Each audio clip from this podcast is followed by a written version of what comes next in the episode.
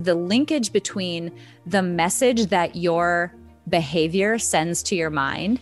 If you're rushing around and you're jerking around and you're moving like really quickly and erratic, or you're doing trying to do three things at once, like all of that behavior that we do when we feel busy, what it does is it sends a warning signal to your mind, an anxiety signal to your mind, a danger signal to your mind, and says, We aren't okay. So you feel anxious.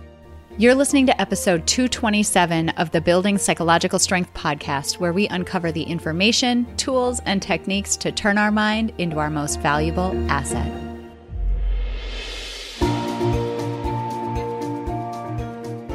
The courage to face fears with persistence.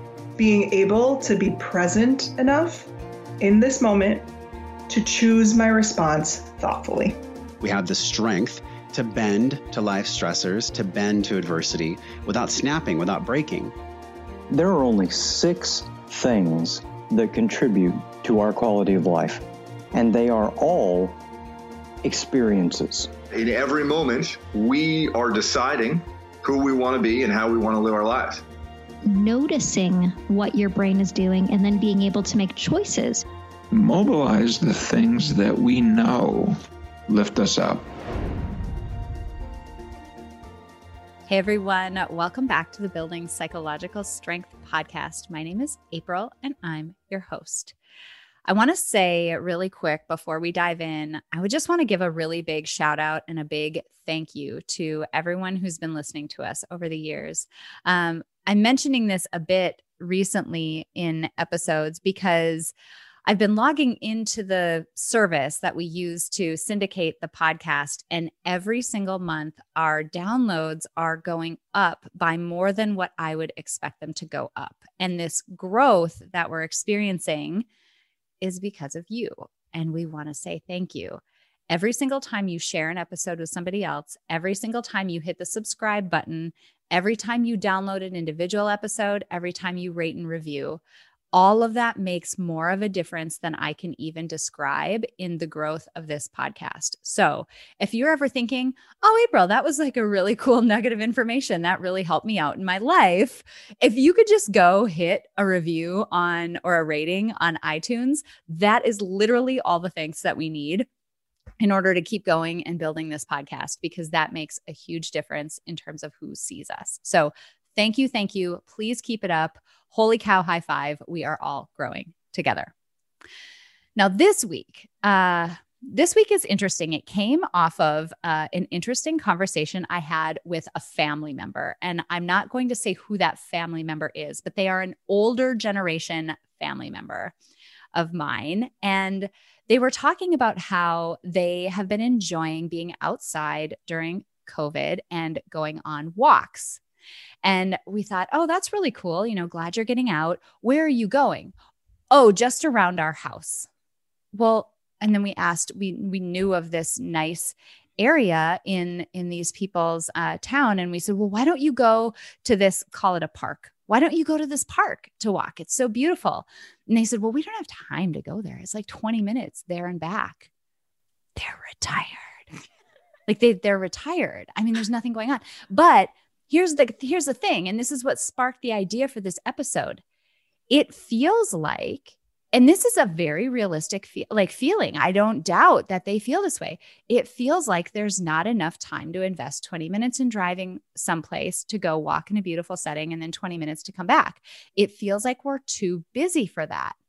And how many times i'll ask you know the audience listening to this and also ask myself how many times in an average day do I feel like I'm too busy to do something that really does it take that long?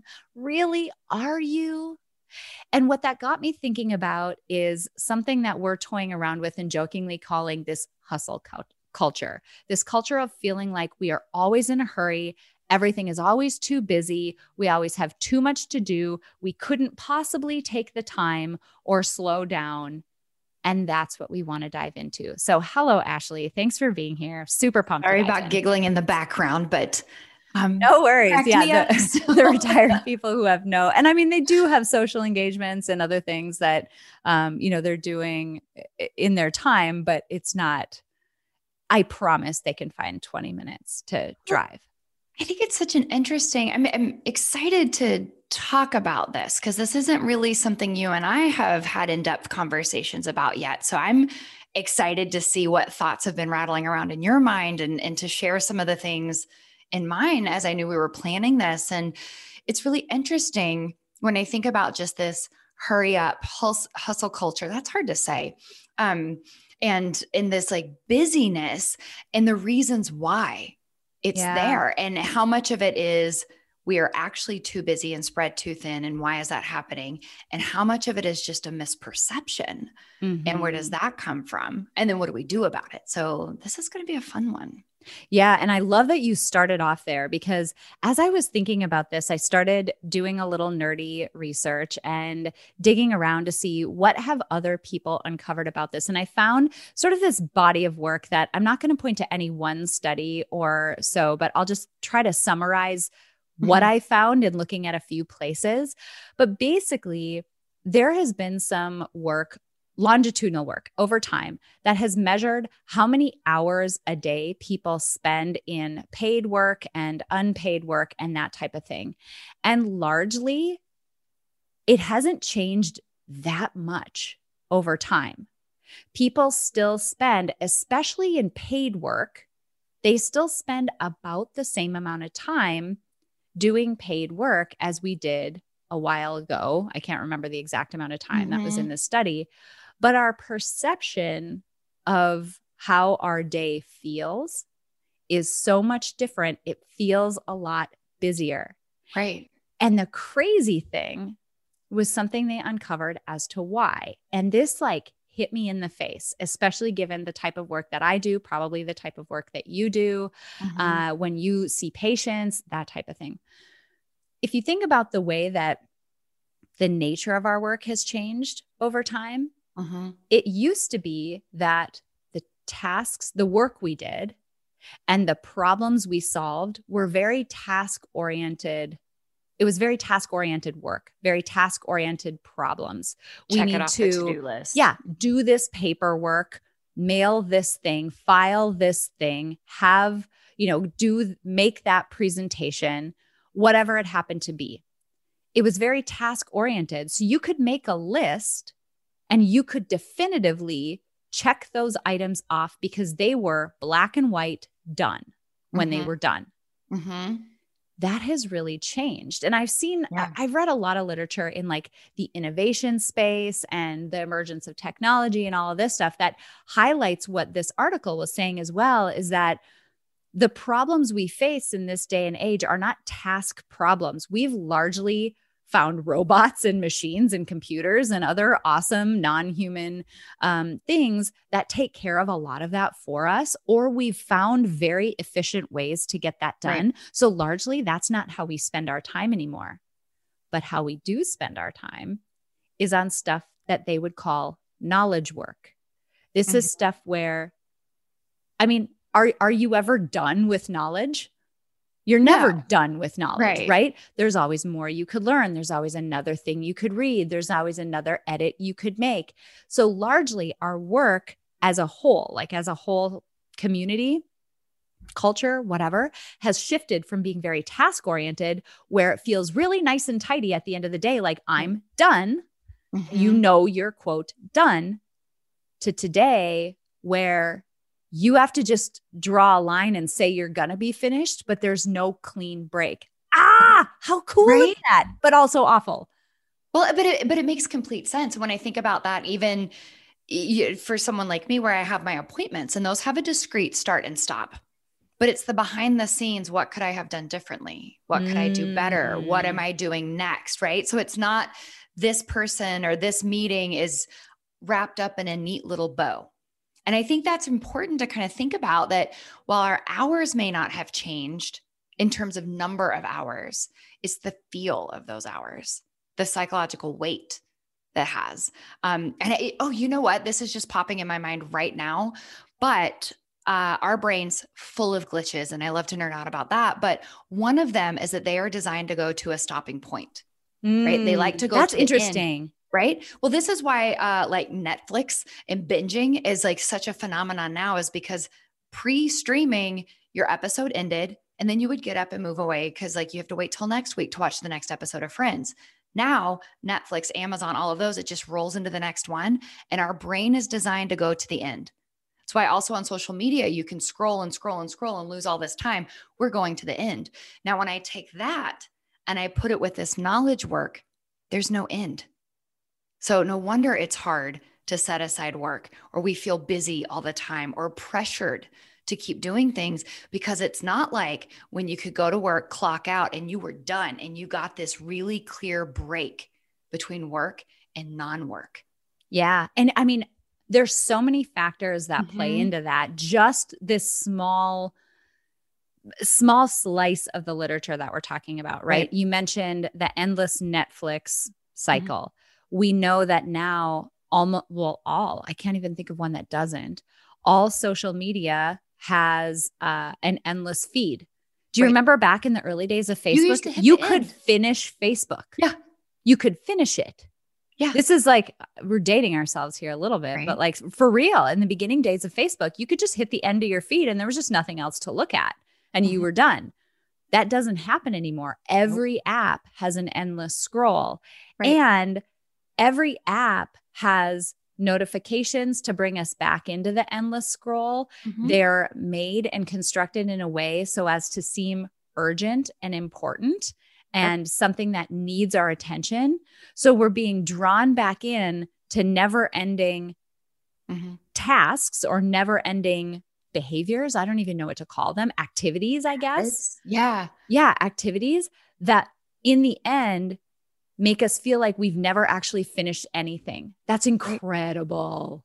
Well, and then let's take this too. If we're kind of shifting from like knowledge work to never ending to technology, I think part of why we feel busy all the time is because we get notifications, because we're on the clock all the time. And what that does, if someone can text you, email you, message you, whatever, at any hour, your nervous system never really gets to relax. It's always a little bit on edge. And so that's going to make us feel this busy, this stressed, and this pressured. And the other point that comes to mind is when we're spending the time with our t- devices, with these mindless scrolling, with all of this stuff, we may not actually be doing the tasks that need to get done or spending our mental energy on the things that we need to. It basically it eats up a chunk of your time and then you really do have to get a lot done.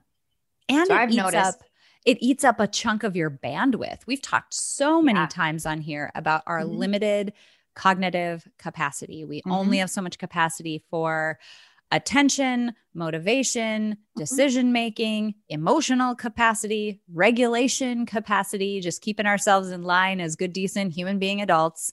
Mm-hmm. We only have so much capacity in that. And the more that we are trying to drain these endless feed. I'm just mm-hmm. going to call them feeds, whether mm-hmm. it's a social media feed, Netflix, or even just, I'll put my hand up and say, there was a level to which I probably needed to go to look at some research for this episode. And I went several steps further than that because you can't finish the internet. Like right. you can't, you can't get done. It's so a never-ending web. Yeah. Yes. And the interesting thing here too is that I want to talk to the high achievers out there for just a second. Those who are people of very high responsibility, who want to do a good job, who maybe are a little bit more prone to perfectionism, prone to wanting to put a good product out there if you have to decide when to draw a line in the sand and be quote done and there's a bottomless pit there the mm-hmm. anxiety that that bottomless pit can cause mm-hmm. because you know you didn't finish even right. though it's an impossible task you know you didn't finish there's some cool research. It's so awful. Like poor people who ever had to do the research that social cognitive psychologists did. So the stuff evil. that I did in grad school is awful. Like never sign up for well sign up for those studies and help those researchers out, but just like get ready to have a really bad time. So one of the things that some of these studies would do is they would give groups of people a cognitive riddle or task or puzzle or maze or something like that, something that required a lot of concentration, that was impossible. There wasn't a solution. You couldn't get done with it. Like Mm. you couldn't finish. It's not possible. and measure how long people persist. And high Uh-huh. achieving people will persist like orders of magnitude longer at these Yeah. impossible tasks, like draining the internet or Yeah. finishing Netflix. Well, and then look at what that's doing, eating up your 24 hours, right? We all have the same 24 hours. So if you're going down and and drawing that line 82 levels later than than someone else, that that's just eating up your time and contributing to that busy feeling. Yeah. Yeah. So it's just wild because it's that study did such a nice job of saying, okay, there's this number of hours that we spend working. And we've no doubt increased our efficiency over time. We, as a you know population, get more done in the same amount of time than we used to. That's incredible, and that's a lar- large part in thanks to this incredible Mhm. technology and whatever that we've put in place. But the number of hours is very similar. It's just the way that our poor feels. hardware Uh-huh. interacts with a more modern climate or context that makes it feel busier.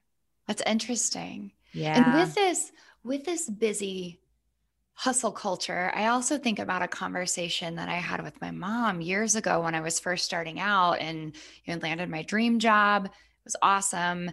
And I was working a lot. And it was work that I felt good about. Um, it was like it's important work. I felt good. But I remember having a conversation with my mom, and she said, like, wow, every time I talk to you, you're just so busy because that's what I had been saying to her. How are you? I'm so busy. I'm so busy. I'm so busy. And then I came across this article that I read that was more like a blog post, but about busyness as a badge of honor. And it made me think, Mm. you know, for me, that definitely was kind of wrapped up in what it means to be a professional and doing a good job. And that this sort of should or expectation that that we need to be busy. And in our culture, at least in the US, that's very much a piece of it, right? I see it Right. with kids who are involved in like 19 different extracurriculars, plus their homework, plus their school. There's no time to relax and play outside and be a kid anymore. And that's Yeah. happening for adults too. So we've got these real or perceived expectations, these pressures to do more, which makes it hard to say no.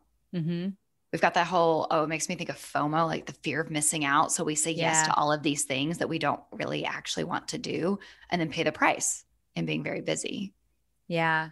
And it's funny too, because I think a lot of that falls back on where we as a culture derive our value, Mm-hmm. our identity value. Mm-hmm. And a lot of it is, and this is funny because I've I've talked about this on our Friday business episodes around the value that we place in terms of our personal identity, our value as a human being. So much of it gets wrapped up in our work right. that somehow the busier you are, the more you have going on, the more valuable you are. So, what you're really trying to signal to other people is I'm important, I'm valuable, I'm playing a big role. Right. And, you know, in the nine to five normal job space, there, this definitely exists. In Mhm. the entrepreneurial world, it's really interesting because truly, in a lot of cases, at the beginning of a business, the busier you are, the more successful you are, Mhm. the more opportunities you're getting, the more maybe services you're selling or products you're having to make in order to fulfill orders or whatever that happens to be. And you know what the funny thing is? We've talked a ton on this podcast, and this is kind of transi- transitioning into why this hustle culture and being busy is not a good thing. Mhm. We've talked a lot about caring for ourselves first, seeing ourselves as the asset that we are and taking Right. care of that asset so that we can show up and Mhm. you know perform in the way that we want to that doesn't take care of that asset that burns that asset out Right. And one of the reasons and i noticed this in myself as an entrepreneur and i wanted to like it was like a punch in the face the day that i realized this i'm like part of the reason why i don't want maybe to give myself a break i don't want to take care of myself is because this sounds so horrible horrible. That is a billable hour that i'm not making money off of I was literally trying to put a monetary value and like a price tag on me doing basic care and feeding of my human self. That's ridiculous. I so appreciate you admitting that out loud because you're not the only one, right? And we and I I think it's important to acknowledge that we equate busy with success or busy with money. Mm-hmm. And those are things mm-hmm. that we value in our culture. Busy with self-worth or, or value as a human. Those are those are important to notice. Yeah. And you, but you know what's really funny? Uh, we equate busy with success or hard work, but that it, it's not a good correlation. I think no, back to some one. of the times that I worked the hardest in my life. I was broke. I had no money. I was working school. So, I know. I was working so hard, so right. many hours, so quote unquote busy, way more hours than I do today. And yeah. I was broke. This it does not correlate. Like monetary value does not correlate with how busy you are. No, it doesn't. And, and, and there are a lot of other downsides besides that, like just the burnout and the burning through our, you know, emotional and, and intellectual and cognitive resources you know there, there are other costs here too and part of this like hurry up and get through it hurry up and get through it mentality means we're missing out on the present moment right like mm-hmm. if we look at mm-hmm. time i know you and i are both big big believers in viewing time as the most important non-renewable resource you have you can get more money you cannot get more time right. and when we're bustling through it, we're squandering this precious resource. And I'm not saying don't work hard. April and I, we both work hard, but it's redefining, I think, our relationship with time and with busyness. Right. And I know, um, oh man, my mind's going like 14 different directions. Like there's the difference between like action and busyness, right? Like, um, I can be busy running on a treadmill, but I'm not, I'm doing something, but I'm not getting anywhere versus if I'm running outside, I'm I'm getting somewhere. So looking at action versus busyness. And I think we really need to adjust some of our mindsets around this. Like back to your family member who's retired, it's sort of a different ball game, right? There's just this perception of, oh, I don't have enough time. So it's almost like this scarcity mindset, which I'm saying, yes, we only have so much time, but we need to look at how we spend it and the quality of how we spend it. Mm-hmm. Like take 20 minutes mm-hmm. to go. Or what else are you doing with that time? Netflixing, scrolling? Is that a good way to spend it? It's going right. to get spent either way. So how are you spending it and how are you showing up? And that well, matters. I would I would even argue. So of course, like it's easy to say, um, you know, you could have spent that time doing something that fulfills you, that whatever, instead of scrolling on social media or mm-hmm. doing something mindless. I would even argue, though, that spending that time taking care of yourself and having some spaciousness in your day, having a little bit of give back to yourself is worth it, even if the time you're spending is taking away from something, quote, valuable. And I'll give an right. example that I've given before on the podcast where, you know, I've got two young kids and they go to daycare and school full time. So at the end of the day, I used to literally run my day up right until the moment I absolutely had to run out of the house and go pick my kids up from school. And it was total and utter burnout. I was exhausted, mm-hmm. just mentally, mm-hmm. physically. I was on edge. I was crabby. It was terrible. And my reason for that is I want to spend as much time with my kids as possible. During the week, young kids go to bed relatively early. Sometimes, for God's sake, go to bed sometimes, but usually they go to bed really early and you don't get a lot of quality time with them in the evening. So you're trying to make the most of that. But what I was doing was exactly what you say, conflating the quantity of time that I was spending with mm-hmm. my kids with the quality of that time. Mm-hmm. And I mm-hmm. noticed that as I was burning out more and more, I realized toward the end of the day, I'm like, what if I shut my computer down 20 minutes early? What if that's how I planned my day out? I'm a big planner. So I'm going to plan to do that at the beginning of the day and then I'm going to execute toward it. That's how it's going to happen. I'm going to shut my computer down. I'm just not going to go for those 20 minutes. I'm not going to leave right away. I'm going to go for a walk or I'm going to drink a cup of coffee or I'm going to listen to a podcast, or maybe I will scroll on social media because that is like such a rare luxury for me mm-hmm. these days that maybe I'll just decompress that way, or maybe I'll read a few pages in, you know, a fiction book or something like that. And yeah. it got to the point where I realized like, if I'm going to give up a, a little bit of that quantity, oh my God, the quality was so much better. I would pick them up excited to see them. And it was so different than when I was sprinting out the door to go get them from Right. just having closed my laptop. But I think that that's such a powerful example. And it, it makes me think about, well, really the phrase going through my mind, it's like, well, you know, when people say that's money well spent, meaning it was like worth the investment. Mm-hmm. In this case, it was 20 minutes well spent. It was worth the investment of that time so that you could show up differently. Incredible ROI. Yeah, absolutely. Absolutely. And it makes me think about, you know, the quality of our time. I remember, you know, being on a walk and like literally stopping to smell the flowers in my neighbor's yard. And it just sort of happened naturally, but this was well into my mindfulness practice, my reevaluating my relationship with time and the kind of journey here of looking at, you know, values and living in line with them. And yes, I was exercising and I want to like, you know, keep my heart rate up and this and that, but like stopping to smell the metaphorical roses is such an important part of life because when we hurry up and get through, hurry up and get through, you're missing out on these little moments. So taking Mhm. that time to be present, to breathe, to just, I know you and I both use the phrase quite a lot, move with ease. Yeah. Like there's that I noticed that, you know, when people are really like when we feel really busy, we're moving quickly. And that just adds to this perceived, I don't have enough time. I'm running behind that stress. And if you can just slow it down and move with ease, it can change your experience. Well, something that I've learned from you that is so related to that is the uh, you know, we we harp all the time about this fictitious line between our body and our mind, right? Right. Like this it, it's dumb. Like somehow our brain is in our body, but it's not part of our body. It's totally separate and there's a big line right at our neck Yeah. with that. Except our sinuses, that's also our body. I mean, like this is so stupid, right?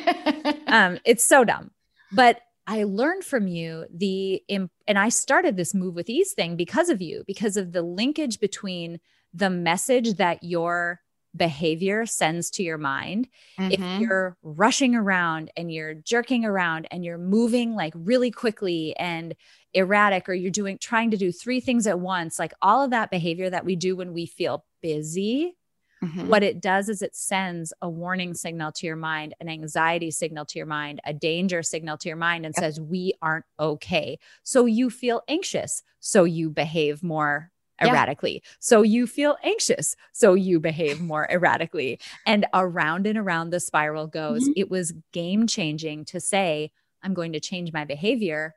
And it's funny how my mind feels different now. Yeah.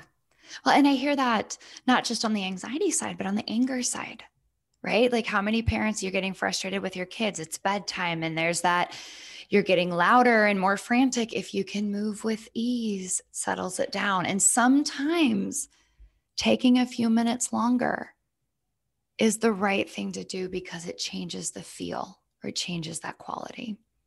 Yeah, absolutely. Something that's interesting too in relation to that, it's now had a ripple had a ripple effect. So Mhm. when I think back to growing up, I remember a lot of busy signals coming from my family. Like, Mhm. hurry, we don't have time. Come on, come on, come on, come on. We have to go. Like, we gotta go, we gotta go, we gotta go. And it was always this like very erratic, like fast, fast, fast, fast, fast Mhm. rushed feeling, right? And I've noticed and made it an intention to say to my kids often, I'm like, you don't have to hurry. We have tons of time. Like, no, take your time. You're doing great. Like, no, you can, you're doing great. You can just try it again. Like, we have tons of time. I Because love that. ultimately, those two mindsets, the Uh-huh. rush, rush, rush, rush, rush, and the no, you're okay. Just take your time. What is the difference? Like, let's say it's my kid putting her coat on. Really, how much faster are we going to going to arrive at the car?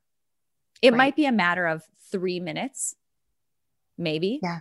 Is that three minutes literally that big of a deal? And I'm saying all of this as though I have this figured out. This is a deep seated problem for me. So, friends listening to this know that this is something that I'm intentionally working on, and I'm literally Mhm. just sharing the stuff that's working for me. Yeah, but I, I- think that's such a great thing to bring up. And it, it just matters. I, I mean, uh, like language matters so much. Thoughts are just language inside our head, and it matters. And I think tweaking your language can have a huge impact on how you, the thought habits that you develop and, and how you feel and what you do. And so um, it, it makes me think of like the difference between saying, like, oh, I'm sorry I'm late, or thank you for waiting.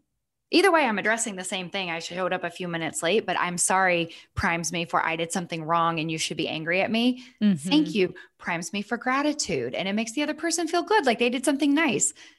That's just language. That's like put Mhm. some spin on it. So, Mhm. yeah. I love You know, it. kind of shifting just a bit, but I knew we were going to talk about this. And I just so happened the book I was reading talked about this study that's so relevant. And it's kind of the like another downside of being too busy. These sneaky researchers, probably social cog psychologists, had this group of yeah, these seminary students. And uh, they had one group and they were in one building. And then the whole premise was you have to get to this other building for a presentation. They told the first group, you have plenty of time. Okay. They told the second group, "Mm, if you leave right now, you can just make it. And they told the, told the third group, you're going to be pushing it. You better hurry or you're going to be late. All three of these groups, they go on their way to the other building. They passed a human being in distress, someone who needed help. Guess what? Those who had plenty of time stopped. Overwhelming majority stopped to help. Those in the you better hurry up, you're going to be late group, only like 10% of them stopped. Mm. And it kind of it was a big moment because it was this connection to me of almost everybody I know if I ask what kind of person do you want to be? People value some version of caring, helping, compassionate. We want to be decent human beings. When we are busy and when we're in that hustle culture, it really shuts down our compassion. So Mhm. much so that the overwhelming majority of people did not stop to help someone in distress. Mm. And to me, that was like a yikes moment of, am I able to live my values, assuming that's a value, if I'm busy, busy, busy, busy? And how can I break that habit? And yeah, sure, I mean, don't get me wrong, I'm all for being punctual. I really hate to run late. I get that. But just look at what that mindset did. Yeah.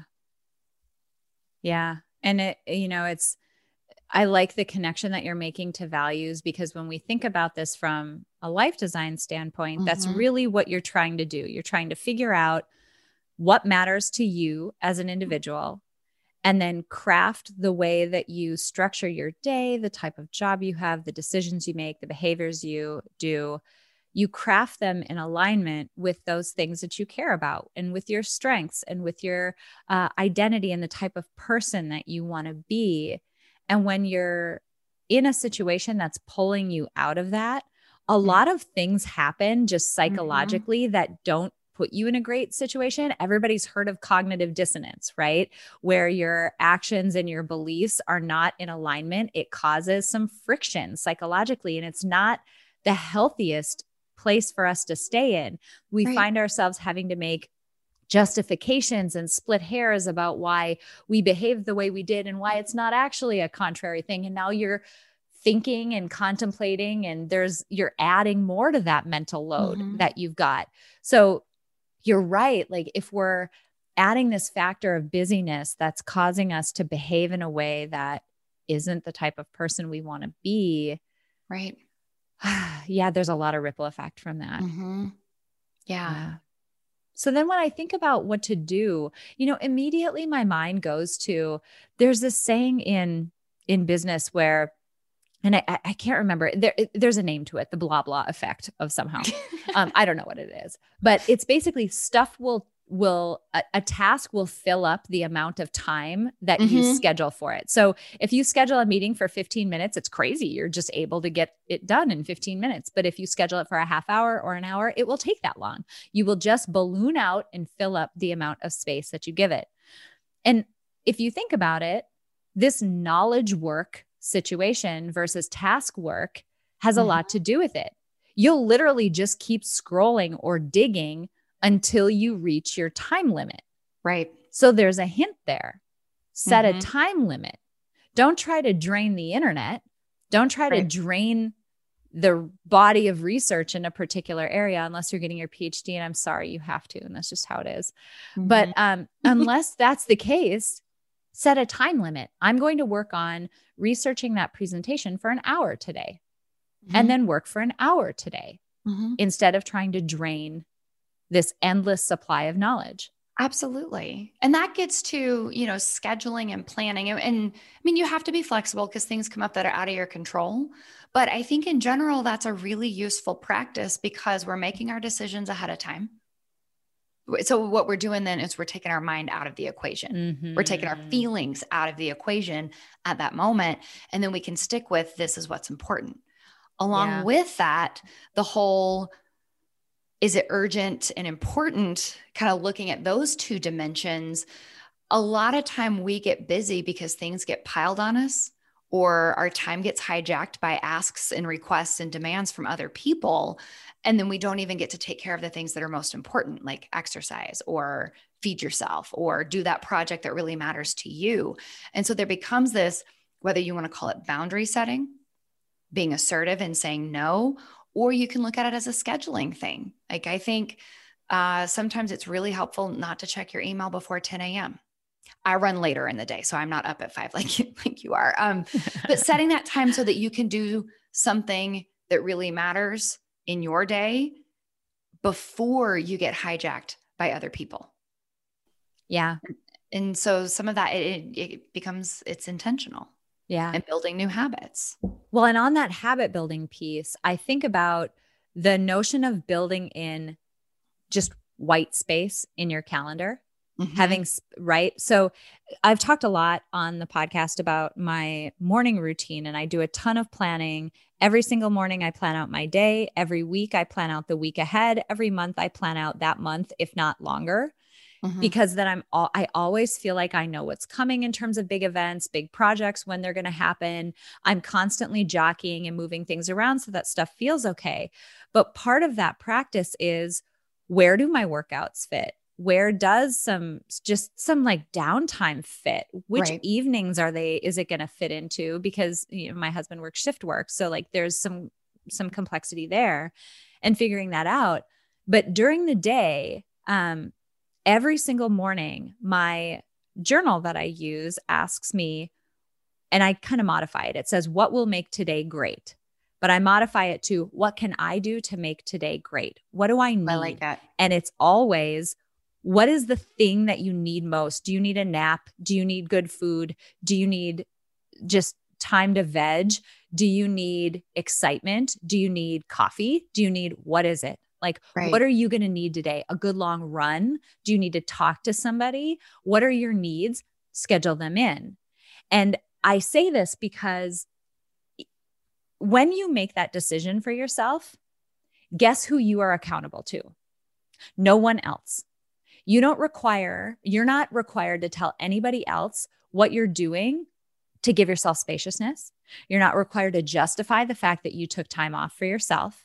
So I, I say this because in the beginning, it's going to feel gross. It's going to feel like you're doing right. something wrong, like you're being lazy, like you're not being valuable, right? Whatever. You don't have to tell anyone. Do it on the down low for a while until it feels comfortable and you realize how awesome the situation is. Then you can start telling people and leading by example, but you do not have to do that in the beginning. Schedule it in, get yourself okay, and move from there. Well, I think that's so important because I see this all the time is that people don't prioritize, we prioritize work and commitments over things like self care and exercise and sleep and eating. And these are things that are really they're they're non-negotiable and we can go out we could probably talk for a whole hour on like the the consequences of not taking care of these things mm-hmm. also needs include social connection leisure time. Grown-ups need to play too. Yeah, we and, talked about a lot of this in the virus fatigue episode yeah. with the conditions to thrive. It's like basic things that humans need for yeah. care and feeding. There's only 24 hours in the day. And so you do have to make some tough calls when it comes to prioritizing. And I find myself, I've probably said this four times this week already, just in different conversations with people, is that life is full of problems. And solving one problem creates another one. And so we kind of just need to expect that solving one problem will create another one. And here's where I'm going with this, tying it here is I get it. You're going to have all of this like pressure, either external or internal of, but I have to do this. I can't say no. I can't turn off my email. I have to be available. Nope. That's just a problem that you have to be willing to have in order to make time for these other needs. Mm-hmm. If you don't, you say, I don't have time for these other needs. That's going to create a different problem when your health tanks, when your mental health tanks, which um, there's that, it, it just all together when your health tanks, when your relationships tank, when you're burned out. So solving one problem might create another one, but stick with it. Because to April's point, if you do these things and you're carving out this time, it will get easier. That's where we get to use cognitive dissonance to our advantage. Because if you stick with it, then your brain's going to go, oh, well, shoot, I guess we do this. I'm the kind of person who prioritizes these things. Mm-hmm. And then it gets easier. Yep. It absolutely does. Mm-hmm. I think that's an amazing place to put a punctuation mark on what is probably part one of this discussion. I bet we'll do another episode on this because it feels like there's more to talk about here. But the take home points here are that we, as I mean, it's like so many things. We've got this mind that was set up and evolved to work in a setting that is so much different than what today's modern society is.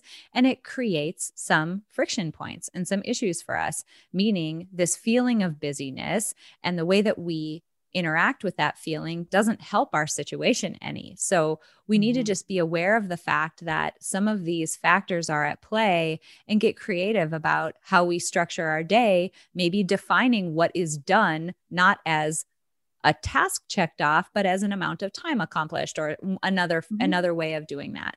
Mm-hmm. So I would urge you to just get creative and think about on your busiest quote busiest times how might you make adjustments to the way that you think about when a task is done or what needs to happen or by whom because it sets you up to a, in a situation to where you can have that bit of space to take care of yourself and have the ripple effect of how you're doing be one that is in line with the way that you want it to be, not one that's mm-hmm. going in a direction that doesn't feel good. Absolutely. Amazing. Thank you guys so much for joining us for this episode. Uh, try this out. Give this stuff some. Give give this stuff a shot. Um, shoot us a note. Let us know how it's going. If you have issues with this uh, or problems that you want us to talk about, topics, shoot us a note. We'd love to hear from you, and we would love to cover it on a future episode. So thanks so much for joining us, and we'll be back next week with another fun topic to dive into. It's a simple fact that nearly everyone in the world could benefit from building psychological strength. But not everyone will put in the time and effort to do so. But today you did. Thank you so much for listening to this episode of Building Psychological Strength. Now, if you're interested in building the mental toughness, confidence, and resilience you need to thrive through life's ups and downs, visit us at www.peakmindpsychology.com. Also, if there's someone in your life who could benefit from this episode, please share it with them.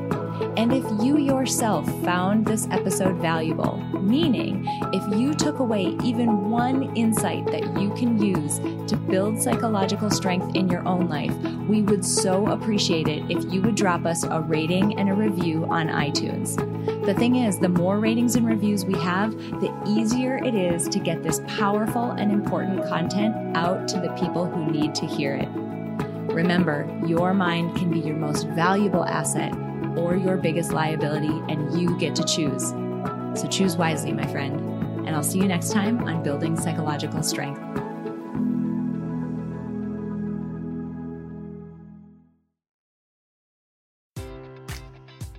Enjoy all your favorite sports like never before at BetMGM. Sign up using code CHAMPION and receive up to $1,500 back in bonus bets if you don't win your first bet. When you register with BetMGM, you'll get instant access to a variety of parlay selection features, live betting options, and the best daily promotions in the business. And with BetMGM at your fingertips, every play and every game matters more than ever. Remember to use code CHAMPION and receive up to $1,500 back in bonus bets if you don't win your first bet. Place your money line, prop, or parlay bets with the king of sportsbooks today. BetMGM and GameSense remind you to play responsibly. See BetMGM.com for terms. 21 plus only. Virginia only. New customer offer. Subject to eligibility requirements. Rewards are non withdrawable bonus bets that expire in seven days. Gambling problem? Call 1 800 Gambler. Promotion. Promotional offer not available in Washington, D.C.